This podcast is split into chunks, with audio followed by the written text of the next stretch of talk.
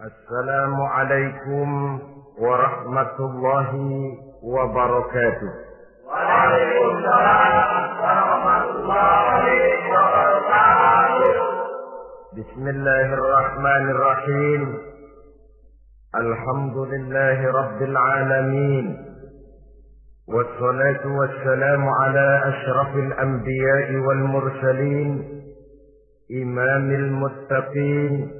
سيد الغر المحجلين وعلى آله وصحبه أجمعين أما بعد Saudara-saudara kaum muslimin rahimakumullah.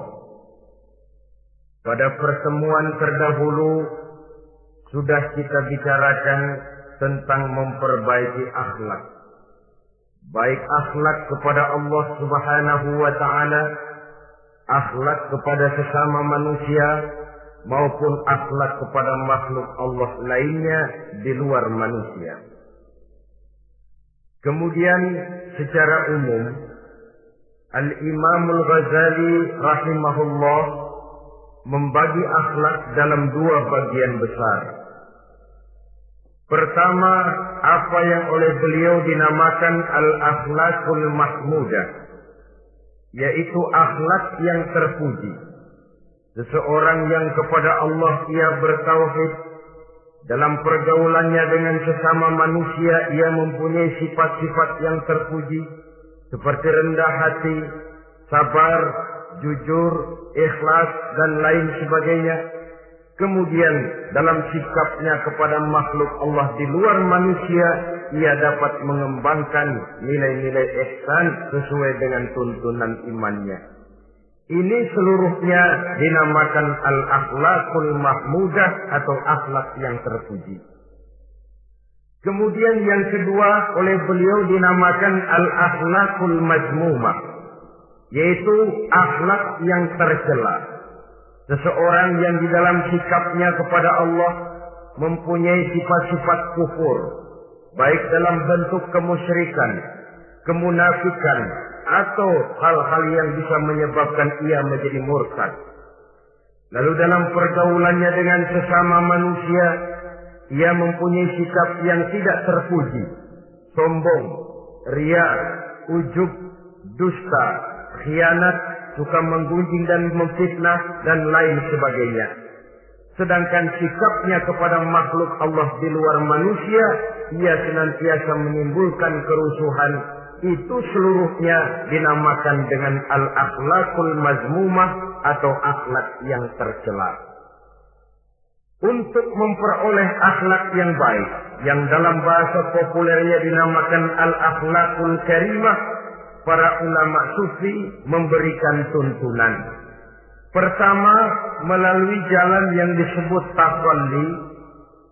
Yang kedua, tahalli dan hasilnya nanti akan membuahkan tajalli. Tahalli artinya mengosongkan diri dari segala macam sifat yang tercela.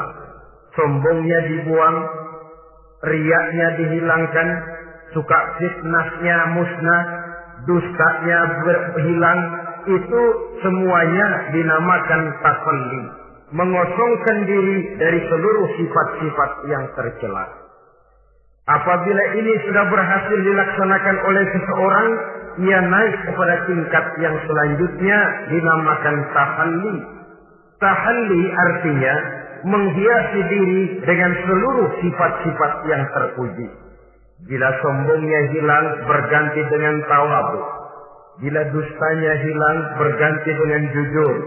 Bila khianatnya hilang dihiasi hatinya dengan amanah dan begitu selanjutnya. Hasil daripada tahalli menghiasi diri dengan segala sifat-sifat yang terpuji akan mengantarkan orang untuk sampai kepada tajalli. Bisa menyaksikan kebesaran Allah subhanahu wa ta'ala. Maka pada pertemuan kali ini kita akan mulai dengan yang pertama takalli mengosongkan diri dari seluruh sifat-sifat yang tercela, menjauhkan diri dari semua akhlak-akhlak yang tidak baik dan pertemuan ini akan kita mulai dengan membicarakan dusta dan akibatnya. Saudara-saudara kaum muslimin rahimakumullah. Salah satu nikmat yang diberikan Allah kepada kita makhluk manusia dalam hidup ini adalah kemampuan untuk berkata-kata. Kemampuan menyalurkan hasrat hati dan keinginan jiwa melalui ucapan dengan bahasa sebagai alat komunikasi. Sehingga orang lalu berkata bahwa al-insan adalah hayawanun nasib. Manusia sebenarnya adalah binatang juga. Cuma saja manusia binatang yang pandai berbicara. Oleh karenanya ini merupakan satu nikmat yang sangat besar yang perlu kita syukuri. Lidah bisa menempatkan seseorang pada posisi yang tinggi. Lidah juga bisa menempatkan orang pada posisi yang paling rendah. Karena lidahnya orang dipuji, karena lidahnya orang dicaci maki dan dicela. Pendeknya seperti kata pepatah, Al-lisan saghirul jirmi azimul jurmi. Lidah itu walaupun kecil bentuknya tetapi besar akibatnya. Hampir sebagian besar dari kesulitan-kesulitan yang menimpa manusia pada mulanya disebabkan oleh lidahnya. Sehingga pepatah mengatakan salamatul insan fi hifdzil lisan. Manusia akan selamat apabila dia pandai menjaga lidahnya. Seperti orang kita bilang, lidah tidak bertulang. Artinya, bicara kadang-kadang demikian enak. Bicara kadang-kadang demikian nikmat. Tidak terasa akan membawa akibat yang tidak pernah kita perhitungkan sebelumnya. Oleh karenanya, salah satu yang menyebabkan manusia bisa turun nilai kemanusiaannya apabila dia telah mempergunakan lidahnya untuk suatu yang lazimnya kita namakan dusta. Apa sebenarnya dusta itu? Dikatakan al-kadzib huwa adamu mutabaqatil khabar lil waqi'. Dusta ialah tidak adanya persesuaian antara berita dengan kenyataan. Itu yang dinamakan dusta. Berita tidak sesuai dengan kenyataannya. Nah, bentuknya bisa mengada-ada, bisa menambah-nambah, ataupun mengurang-ngurang.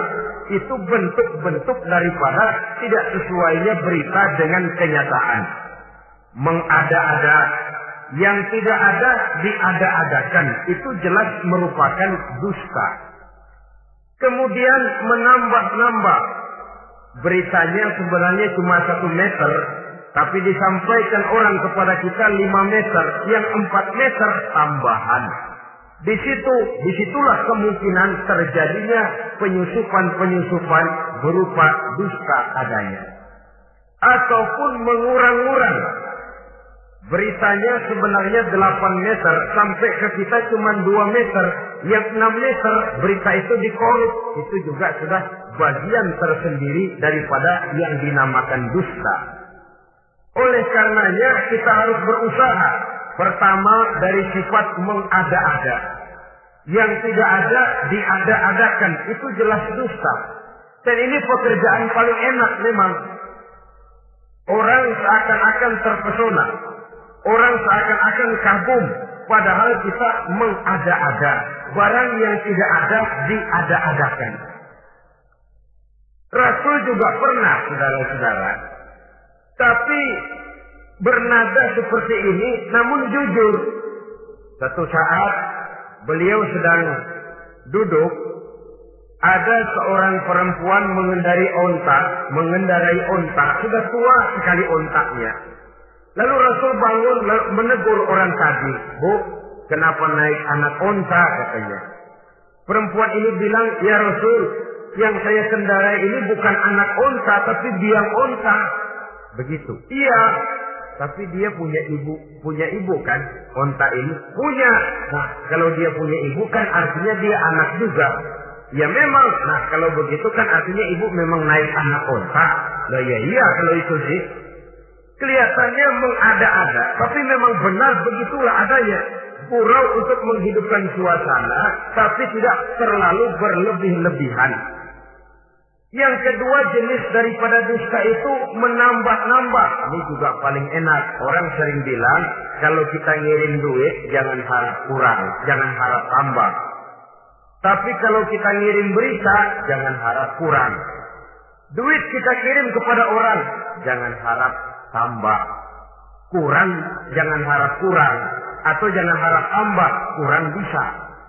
Tapi kalau berita kita kirim kepada seseorang, jangan harap kurang itu berita, nambah bisa. Atau kemudian mengurang-urang, ini juga termasuk jenis daripada dusta. Baik mengada-ada atau menambah-nambah, kemudian mengurang-urangi, seluruhnya merupakan pekerjaan yang paling enak. Kita anggap sesuatu yang biasa, padahal akibatnya nanti akan menjadi luar biasa. Saudara-saudara kaum muslimin rahimakumullah. Apa bahaya dusta dalam kehidupan manusia? Pertama, bagi dirinya sendiri. Orang yang berdusta sebenarnya sudah membahayakan dirinya sendiri. Apa bahayanya? Pertama, ia akan dikucilkan dari pergaulan. Sekali dia berdusta, orang mungkin masih percaya. Dua kali dia berdusta, orang mungkin masih bisa mentolerir. Tiga kali dia berdusta, orang ngecap. Ini memang udah watak ini. Hobi dah kalau begini. Akhirnya dia dikucilkan dari pergaulan. Lain hari, walaupun dia serius bicara, orang nggak lagi nanggapin sebagaimana yang semestinya. Dikucilkan dari pergaulan. Akibat apa? Akibat dari dusta yang dilakukannya. Akan merugikan dirinya sendiri. Ada satu cerita, saudara. Seorang pengembala kambing sedang mengembalakan kambing di tanah lapang. Satu hari iseng dia sendirian.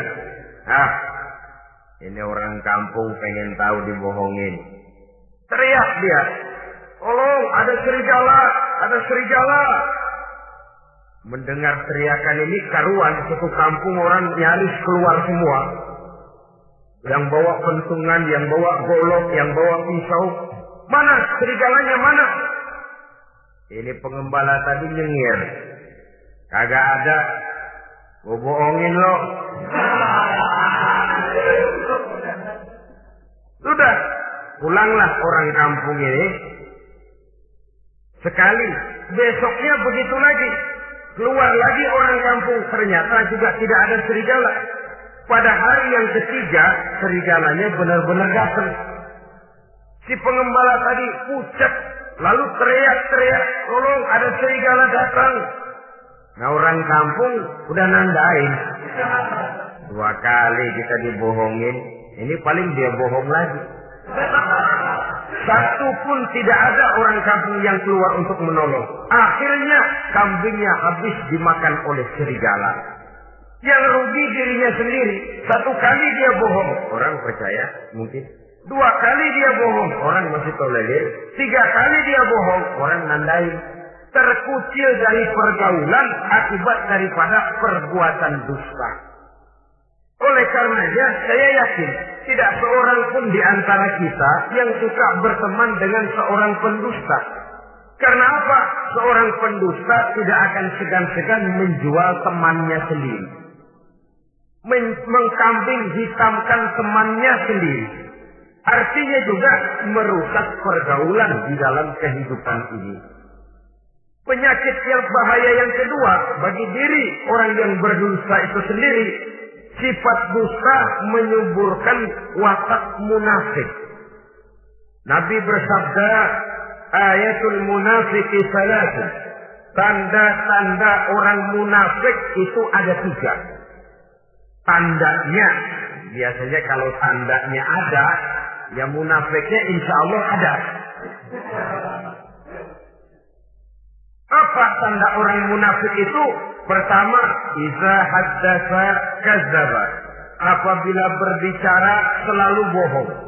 Belum pernah kalau bicara tidak bohong. Bohong itu sudah jadi lalapnya. Artinya nggak sumbrah ngomong kalau nggak dicampuri bohong. Seperti kurang enak makan kalau tidak pakai lalap. Ada saja bohong yang dibuat-buatnya. Ini ciri atau tanda daripada orang-orang munafik. Apabila berbicara selalu berdusta. Satu. Yang kedua, wa iza wa'ada akhlafa. Apabila berjanji dia selalu selalu ingkar. Selalu ingkar tanpa uzur yang dibenarkan oleh syar'i itu termasuk ciri daripada orang-orang munafik.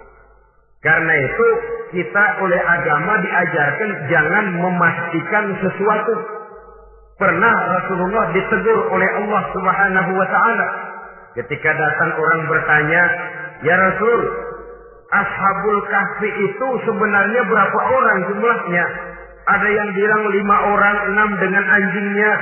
Ada yang bilang enam orang, tujuh dengan anjingnya. Ada yang bilang delapan orang, sembilan dengan anjingnya. Yang benar yang mana Rasul? Rasul menjawab, besok. Jawabannya besok. Kenapa Rasul mengatakan, berani mengatakan jawabannya besok? Sebab beliau ngandelin. Biasanya kalau ada pertanyaan dari umat, lalu turun wahyu sebagai jawaban atas pertanyaan tadi. Sudah. Besoknya dari pagi Rasul nunggu wahyu turun. Enggak turun. Besok nunggu lagi. Enggak turun juga. Bingung. Sekali turun malah negur beliau. Wala taqulanna li shay'in inni fa'ilu dzalika ghadan illa ayyasha Allah. Kalau belum apa-apa Muhammad jangan berani ngeduluin. Besok, besok. Semuanya hanya bisa terjadi dengan izin Allah. Illa ayyasha Allah. Oleh sebab itu harus diawali dengan insya Allah. Insya Allah besok saya pasti datang. Insya Allah ya karena kita beriman kepada Allah. Kepastian di tangan Allah. Pastinya karena kita memang berniat benar ingin datang. Kita kadang-kadang insya Allah ini jadi lalap sih. Asal dia bilang insya Allah udah tulen kagak mau deh. Besok ya, insya Allah enggak ya. Ini ini salah kaprahnya kita, saudara-saudara. Yang ketiga, ciri daripada orang munafik itu wa iza tumina khana. Apabila dipercaya, dia selalu berkhianat. Tidak pandai menjaga amanah dalam kehidupan ini. Tidak boleh mendapat suatu kepercayaan lalu dikhianatinya kepercayaan itu.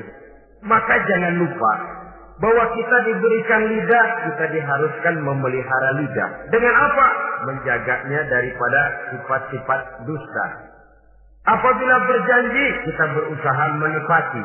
Apabila dipercaya, kita berusaha menjaga amanah. Kenapa? Mencari kepercayaan itu sulit, saudara. Tetapi memelihara kepercayaan itu jauh lebih sulit. Apalagi kalau yang bernama rahasia. Rahasia itu memang selama masih ada dalam hati. Kalau sudah kita bicarakan kepada orang lain, itu sudah bukan rahasia lagi sifatnya.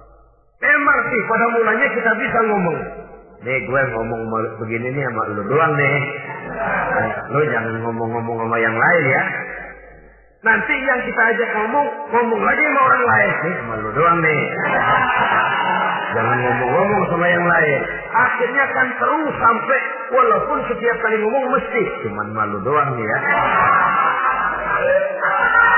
Tapi akhirnya tuh beritanya jadi merata menjalar. Kenapa? Rahasia adalah apa yang ada di dalam hati. Jikalau sudah kita bicarakan kepada orang, sudah bukan rahasia lagi namanya. Apalagi sifat manusia. Kalau dia lagi seneng sama kita, jangankan perbuatan kita yang baik, perbuatan kita yang salah pun masih di, dibenarkannya juga. Tapi kalau dia sudah jengkel sama kita, jangankan kita main judi, kita ngaji masih salah. Itu kalau orang sudah nggak senang itu ya begitu. Dia benci sama kita. Jangankan kita main judi, kita baca Quran masih salah. Tapi kalau dia senang sama kita, hampir matanya itu hilang dari penilaian-penilaian yang objektif.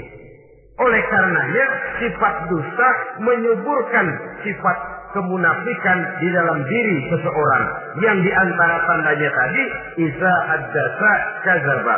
Apabila berbicara, ia selalu berdusta.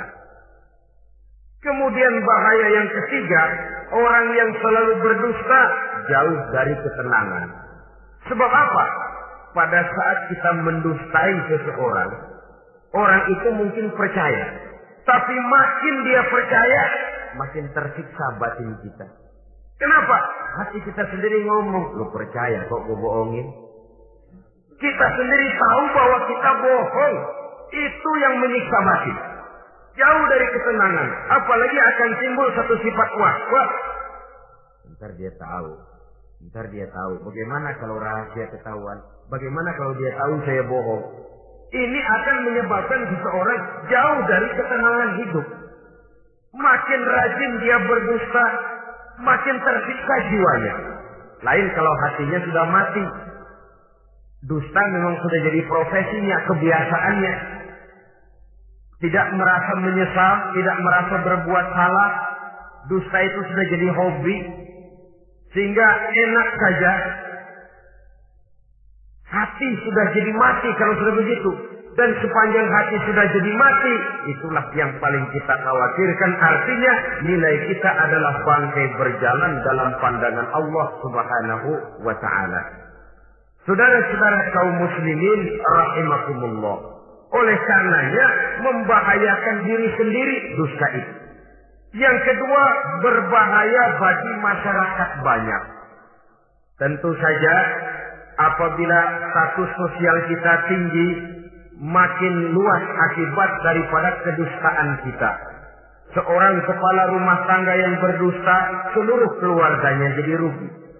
Seorang kepala kampung yang berdusta, rakyat sekampungnya rugi. Seorang gubernur berdusta, rakyat satu provinsi rugi. Seorang pemimpin negara berdusta, rakyat satu negara rugi. Makin tinggi status sosial, makin besar akibat daripada suatu dusta. Oleh karenanya menimbulkan keresahan di tengah masyarakat. Masyarakat itu apa? Dimulai dari masyarakat yang paling kecil, rumah tangga. Kalau satu rumah tangga sudah diwarnai oleh sesuatu yang bernama dusta, maka ketenangan, ketentraman, kebahagiaan rasanya akan sulit terwujud di dalam rumah tangga itu sendiri. Seorang istri apabila sudah pandai mendustakan suaminya, maka itu sudah berarti memulai keretakan dalam kehidupan rumah tangga, menimbulkan benih-benih ketidakpercayaan. Apabila seorang suami sudah mulai mempunyai titik ketidakpercayaan kepada istrinya lagi, itu sudah menandakan retaknya basis kehidupan rumah tangga. Istri yang mendustakan suaminya, umpamanya diberikan nafkah, lalu mestinya sebenarnya sudah diperhitungkan cukup, uang masih ada, dikatakannya habis, dan lain sebagainya. Akibatnya nanti si suami mikir-mikir, kan menurut perhitungan duit masih cukup, kenapa sudah habis? Nah, oleh karena istrinya tidak jujur, suaminya juga mulai berusaha tidak jujur lagi. Mendapat penghasilan besar, mengaku sedikit, kalau sudah begitu, saling dusta mendustai pun sudah dimulai. Nanti akan terus meresap kepada kehidupan daripada anak-anak sebagai anggota di dalam rumah tangga kita. Saudara-saudara, oleh karenanya rumah tangga bisa saja berantakan, menjadi kacau, baik karena dusta istri, dusta suami, dusta anak, atau dusta orang lain menyulut dan mengganggu rumah tangga kita. Suaminya lagi enak-enak duduk di depan rumah, datang laporan. Kamu kok tenang saja di rumah? Memangnya kenapa? Istrimu, waduh. Ya memang kenapa istri? Waduh. Itu tadi naik bajai berdua. Kamu orang laki. Ya memang supir bajai masih dia sendiri. Tapi kalau berita ini digunting, dikat sampai di situ, kan nanti ini sudah menimbulkan suami mendengar istrinya naik bajai berdua dengan orang laki, tentu marah. Pulang istrinya sudah payah-payah dari pasar, dicaci maki dan lain sebagainya. Apa ini? Akibat dari omongan dari lidah yang memang kecil dan tidak bertulang itu, tapi sungguh sangat besar akibatnya. Kemudian juga pergaulan. Berapa banyak saudara jauh dari saudaranya, teman berpisah dengan temannya, tetangga marah dengan tetangganya akibat daripada perbuatan lidah, daripada ucapan lidah ini. Akibat daripada yang bernama dusta ini. Oleh karenanya, saudara-saudara, dusta pun merusak pergaulan. Kemudian usaha. Satu kali kita berdusta, mungkin usaha mendatangkan untung. Dua kali kita berdusta, masih bisa mendatangkan untung. Tiga kali kita berdusta, orang akhirnya akan mengadakan perbandingan. Ini kadang-kadang dalam usaha, dalam dagang, dusta juga bisa jadi lalang. Orang nawar dagangan kita, berapa harganya bang? 500. 300 ya, uh tadi ada yang nawar 400, saya nggak jual. Padahal kagak ada yang nawar. Dia buat sedemikian rupa. Atau kadang-kadang tidak segan-segan memakai sumpah untuk membela kebohongannya. Ya, walaupun sebenarnya bukan sumpah karena sumpah itu harus dengan lafzul jalalah, wallahi atau billahi atau demi Allah. Kadang-kadang dengan kata-kata yang kasar. Modalnya cuma 500. Tapi ketika ditawar orang, yang bener aja nawar bu, Padahal ini saya beli modalnya aja 700 perak biar mampu sih. Dia beli cuma 500, ngaku modalnya 700 pakai biar mampus lagi. Saudara hadirin yang saya hormati, sepintas mungkin orang percaya, mungkin orang yang tergerak untuk membeli, tapi kemudian keuntungan yang didapat dengan jalan berdusta itu bisakah membawa berkah dalam kehidupan kita? Rasanya tidak. Dan kalau sudah tidak membawa berkah, maka itu keuntungan itu tidak lagi akan mendatangkan ketenangan di dalam kehidupan. Oleh karenanya menjaga lidah ini memang berat. Sehingga dalam satu hadis lain Nabi bersabda, Al-jannatu mustaqatun ila arba'ati nafar.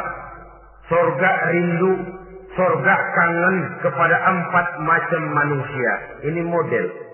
Biasanya manusia yang kepengen benar masuk sorga, ini malah sorganya yang rindu, kangen benar kepengen dimasuki oleh empat macam manusia. Siapa mereka? Pertama, saliyil Quran. Orang yang gemar hobi membaca Al-Quranul Karim. Orang yang gemar membaca Al-Quran dirindukan oleh surga. Apa membaca sekedar membaca?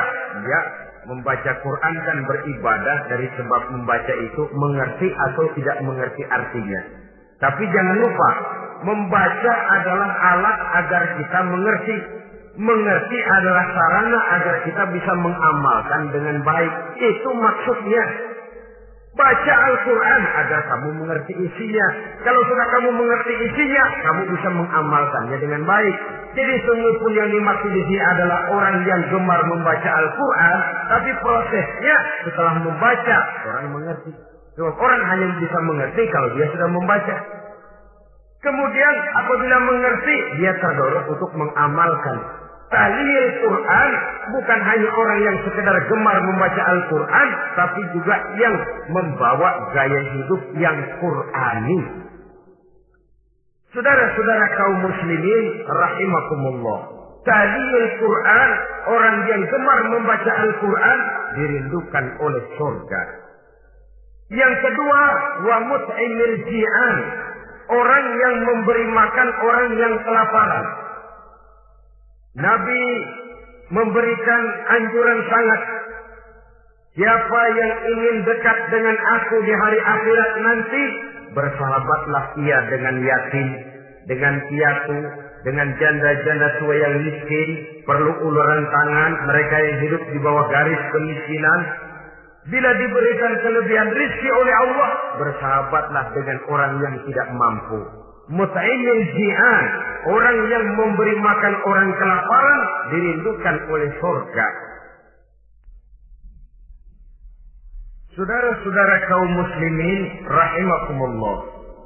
Demikian besar perhatian Islam terhadap kepekaan sosial, terhadap kesetia kawanan sosial ini sampai-sampai dalam ayat Al-Quran dijelaskan oleh Allah Subhanahu wa taala Allazi yukadzibu bid-din fadzalika allazi yad'u al-yatim wa la yahuddu ala ta'amil miskin Tahukah kamu kata Allah siapa orang-orang yang mendustakan agama beragama tapi dianggap mendustakan agama kalau sudah dianggap mendustakan agama artinya imannya dusta. Dia sholat, sholatnya dusta. Dia puasa, puasanya dusta. Siapa mereka itu? Fadzalika allazi yadu'ul yatim. Mereka orang-orang yang meninggalkan menyia-nyiakan anak-anak yatim wala yahuddu ala ta'amil miskin dan tidak memerintahkan untuk memberi makan kepada orang-orang miskin kepada yatim kejam, sadis, tidak punya kemanusiaan sama sekali. Maka mungkin kita yang rajin sholat, mungkin kita yang sudah empat lima kali berhaji bisa saja terhalang masuk surga. Karena di sebelah rumah kita ada anak yatim piatu merintih kelaparan, menggigil kedinginan, kita tahu kita mampu dan kita diam saja tidak mau memberikan pertolongan. Itu yang mungkin bisa menghalangi kita untuk sampai ke surga.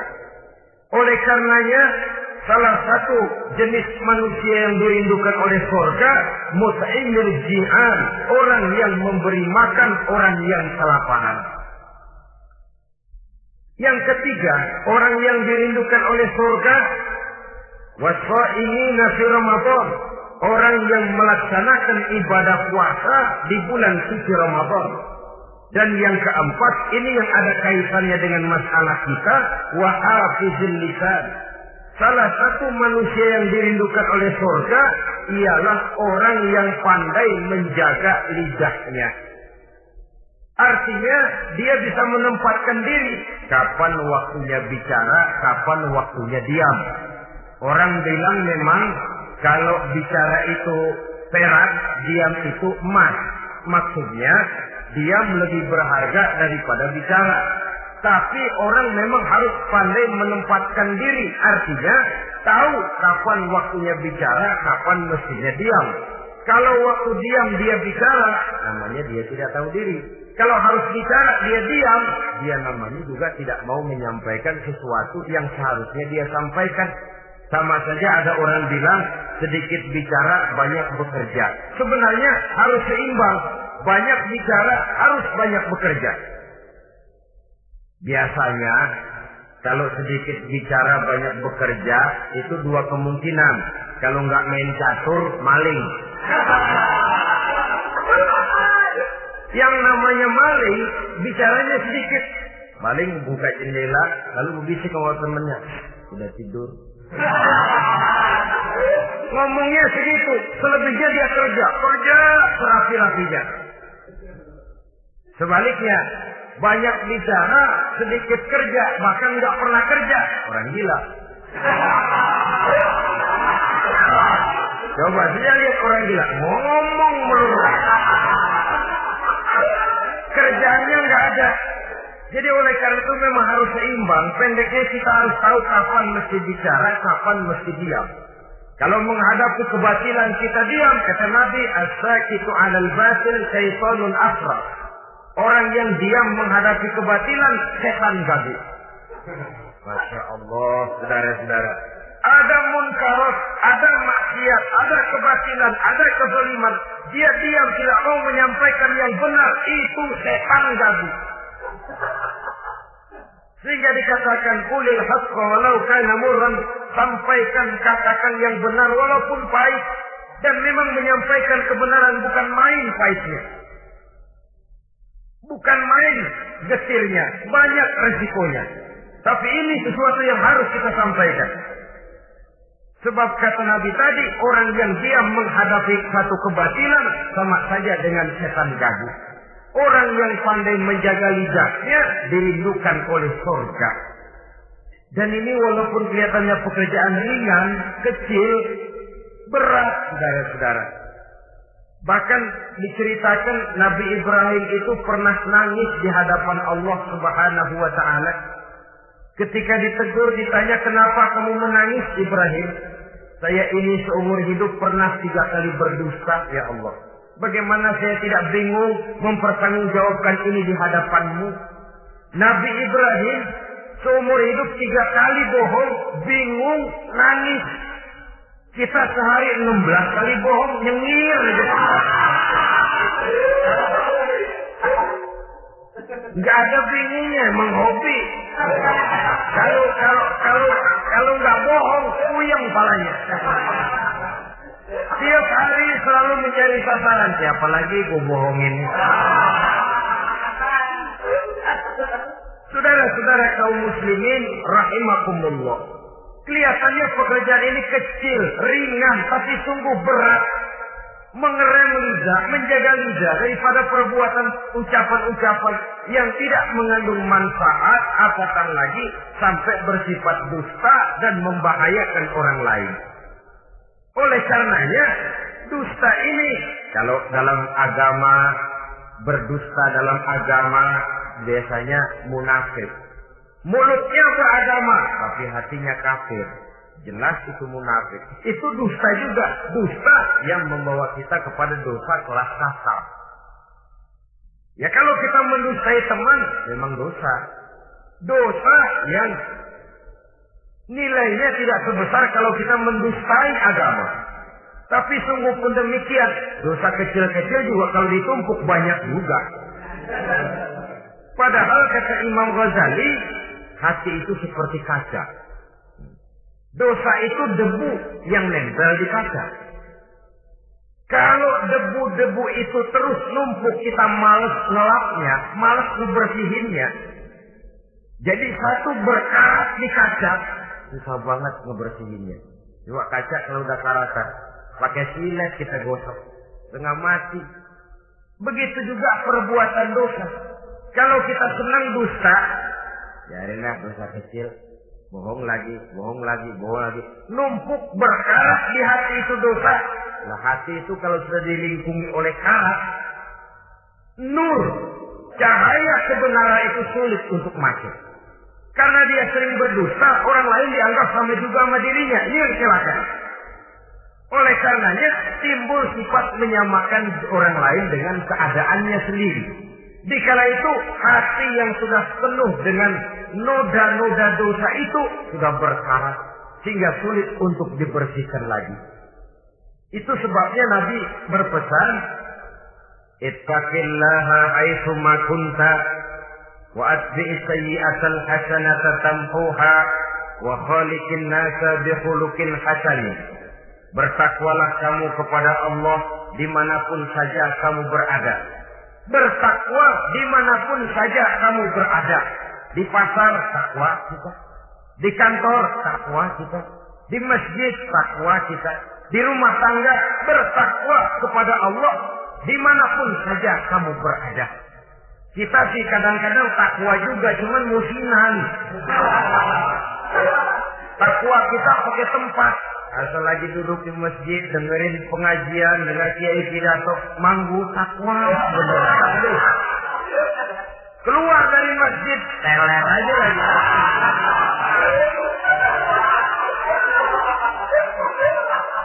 Takwa juga kita cuma pakai tempat.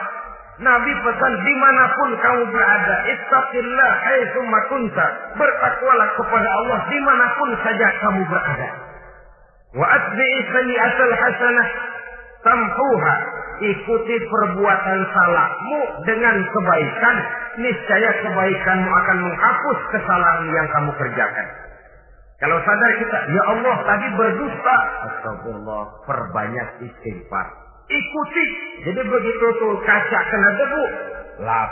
Kena debu lagi, dilap lagi. Kena debu, dilap lagi. Insya Allah tidak sampai berkarat. Jangan lalu nunggu. Ntar aja dah tobat udah tua-tuaan dikit.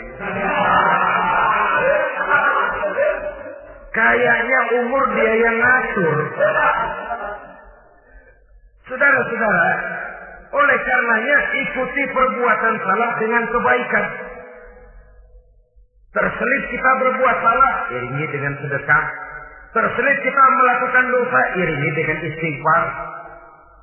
Melihat sesuatu yang haram, astagfirullahaladzim. Lalu dipalingkan, jangan mulut astagfirullah, mata melotot.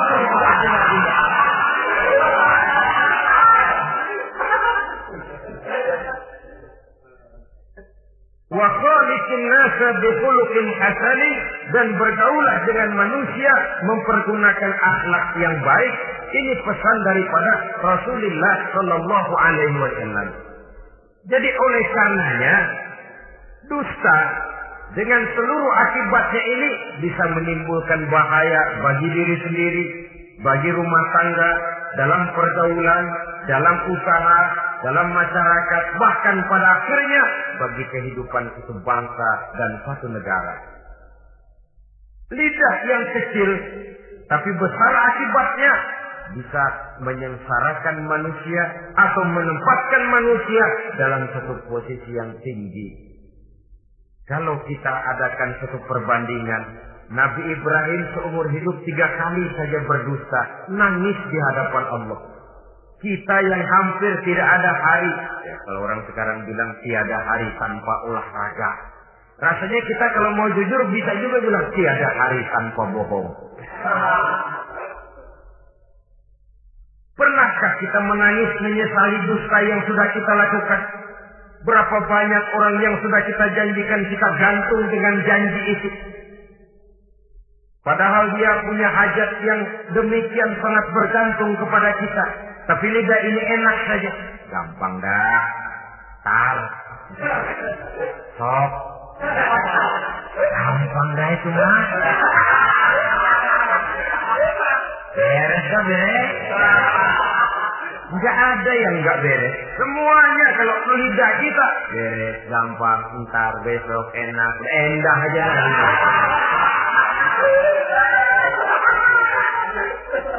Habis orang kita gantung dengan harapan.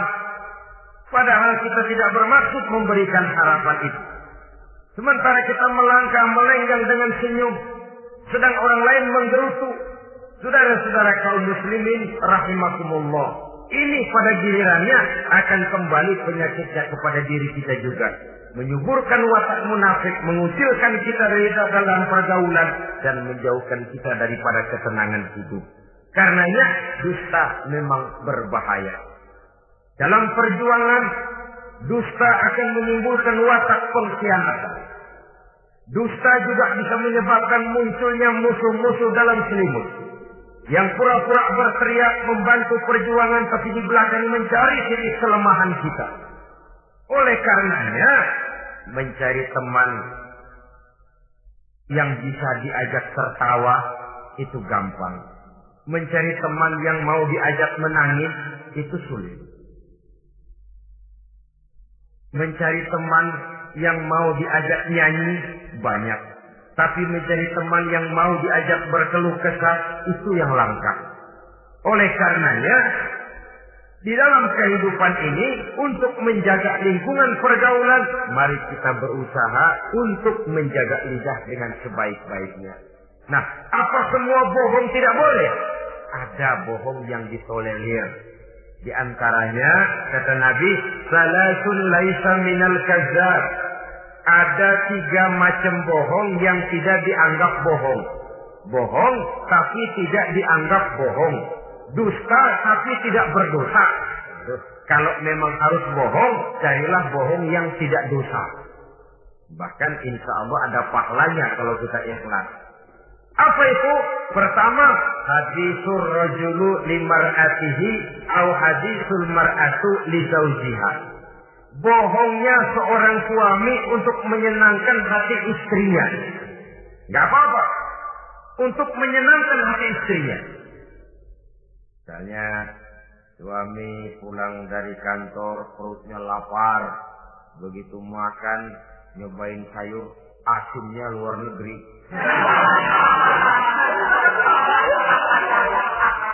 Baru dicobain sedikit, suaminya udah celam-celam. Melotot matanya. Istrinya negor, bang sayur keasinan ya?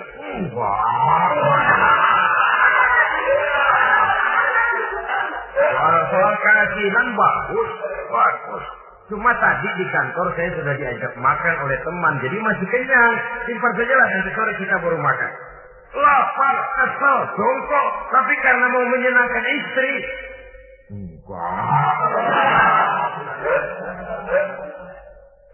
Atau sama saja dustanya seorang istri untuk menyenangkan hati suaminya. Bisa saja itu terjadi. Suaminya beli sendal buat istri. Mahal, padahal murah kena mahal. Warnanya gak enak dilihat, potongannya norak. Suami istri tahu kalau itu sendal murah. Suaminya tanya, gimana bu sendal yang saya beli? Wah, cakep bener bang. Luar biasa. Tangga kita mana ada yang pakai sendal begitu. Memang kagak ada jelek.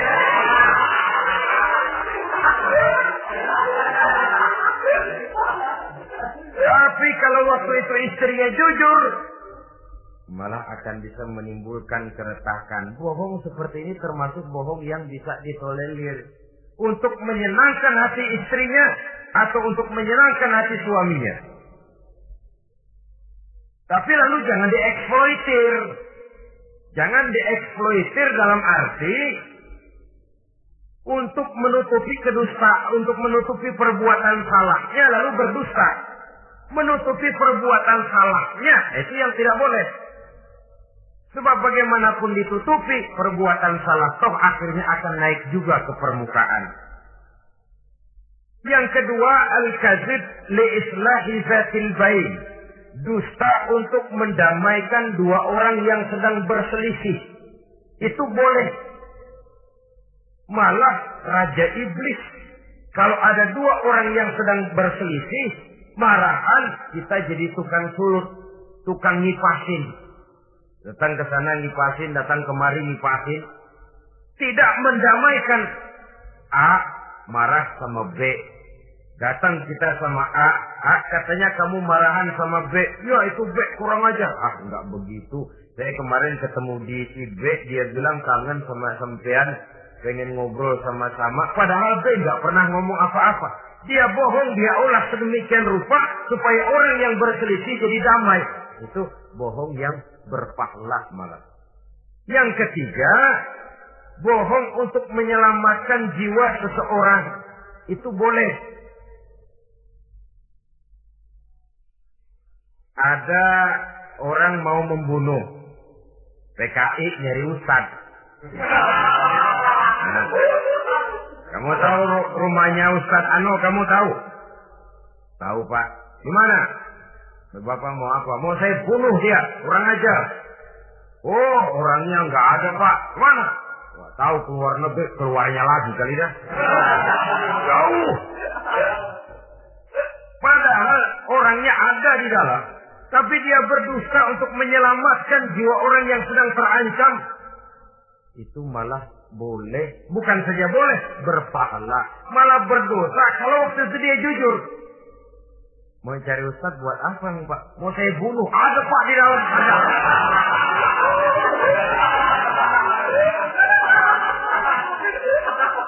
Sentimen. Kalau perlu saya bantuin pak ada.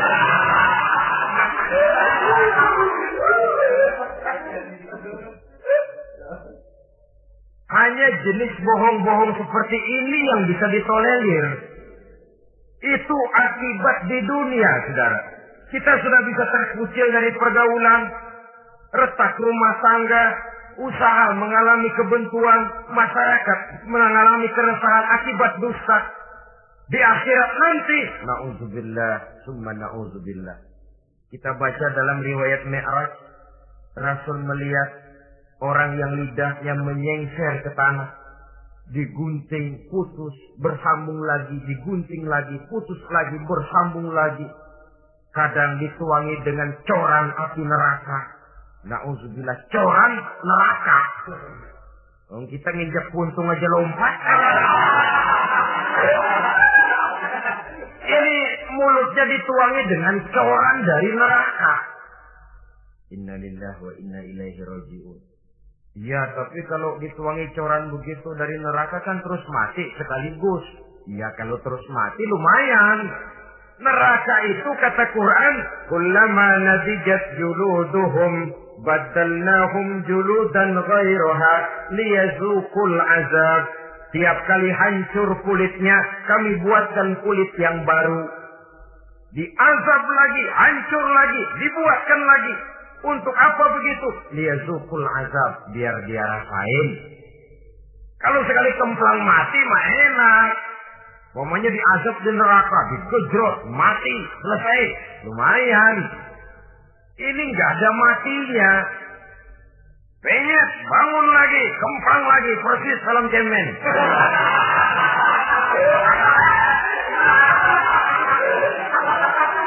Cuma kalau film cemen mah film, dan itu jelas dusta, di neraka orang tidak kenal mati.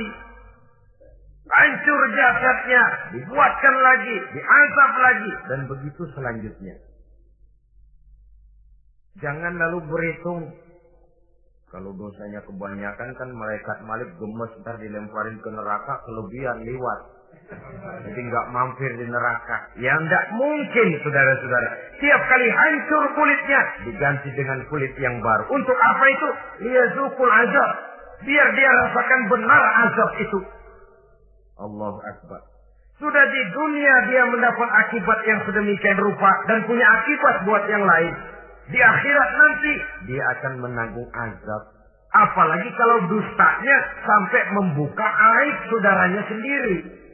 Dusta untuk menelanjangi orang lain. Logikanya saja kalau ada teman kita atau aurat kita terbuka kita harus menutup. Muslim dengan muslim seperti satu badan. Bila yang satu sakit, yang lain ikut merasa sakit. Bila yang satu tercela, yang lain ikut merasa tercela. Dikala itu, kita harus justru menutupi aib orang lain. Malahan Nabi mengatakan, siapa yang menutupi aib saudaranya di dunia ini, saudaranya muslim, Allah akan menutupi aibnya di akhirat nanti.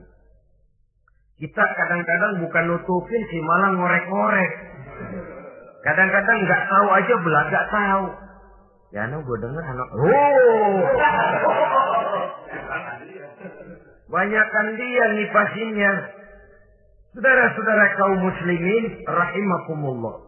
Begitu lidah yang suka berdusta digunting dari gunting api neraka, terpotong dibulatkan lagi, terpotong dibuatkan lagi, tidak henti-hentinya sampai kepada hari akhirat nanti. Karena itu berlindung kita kepada Allah. Jangan sampai diberikan lidah yang gemar berdusta. Tapi lidah yang gemar mengatakan yang benar walaupun terasa pahit. Mengucapkan kebenaran itu besar resikonya. Panjang jalannya, banyak akibatnya.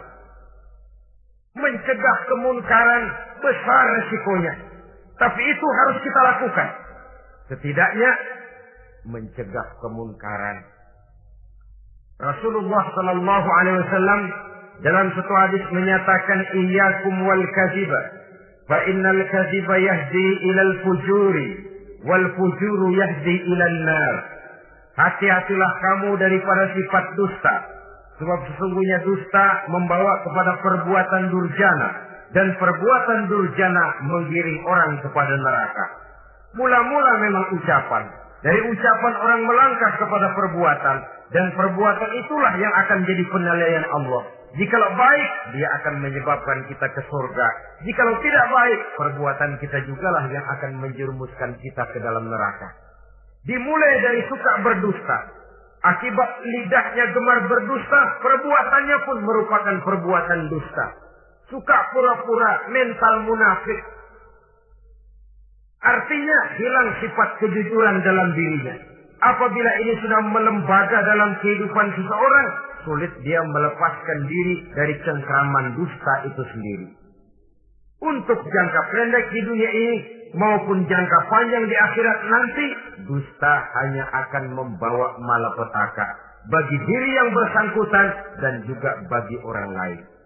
Benar kalau tadi pepatah mengatakan salamatul insan fi lisan. Bahkan ada yang bilang kalau lidah lukai hati, kalau kalau pedang lukai tubuh masihkan ada harapan sembuh. Kalau lidah lukai hati, ke mana obat hendak dicari? Kita tampar orang dengan tangan dua tiga hari, dua tiga jam bahkan sudah hilang bekas tamparan itu. Tapi kita tampar orang dengan lidah, dengan ucapan, seumur hidup dia akan tetap ingat. Kita bohongi orang, kapan ketemu dia ingat nih, dia nih. Nih yang kerjanya bohongin melulu. Gimana aja ada bohongnya. Kalau sudah dicap sebagai pendusta, kita memang nggak tahu tapi tiap kita jalan orang iringi perjalanan kita. Ah, pembohong, ah, pembohong, ah, pembohong. Saudara, masyarakat ini punya hukum yang tidak tertulis. Tapi lebih kuat dan lebih kejam daripada hukum yang tertulis. Sehingga lalu orang mengatakan sekali arang tercoreng di dahi, seumur hidup orang tak percaya. Ini artinya hukum masyarakat itu lebih kejam daripada hukum yang tertulis. Sekali kita dicap sebagai pendusta, lain kali kita mau benar-benar banget juga. Aku benar-benar banget ini, sumpah dah. Allah, sumpah lo udah lalap dah, udah laku. ya Allah, kita sumpah pun orang nggak percaya. Ya kalau binatang kita pegang ekornya, barangkali. Tapi kalau orang jelas omongannya yang kita pegang. Nah kalau omongannya sudah nggak bisa dipegang, apanya lagi yang kita harapkan? Oleh karenanya, saudara-saudara, lidah yang kecil bentuknya tapi besar akibatnya ini harus diisi dengan nilai-nilai iman.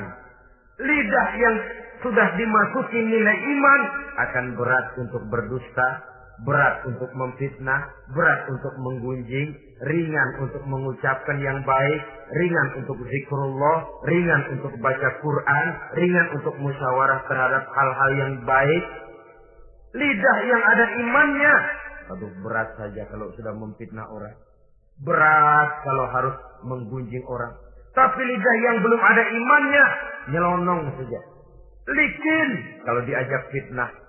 Licin kalau diajak ngata-ngatain orang. Licin kalau diajak mengadu domba orang lain. Dan ini akan berakibat nantinya timbulnya keretakan, keresahan sejak dari pribadi, rumah tangga, masyarakat luas. Akibat apa? Dusta. Dari sekian dusta yang paling kita khawatirkan adalah kalau kita sampai dicap oleh Allah sebagai pendusta agama. Beragama tapi dianggap pendusta. Agama sekedar lipstick. Agama sekedar dekorasi. Agama sekedar penghias kartu tanda penduduk. Tapi hidup jauh dari tuntunan nilai-nilai agama. Pendusta-pendusta agama semacam ini pada gilirannya akan terkena penyakit yang disebut munafik. Iman lidahnya tapi kufur hatinya.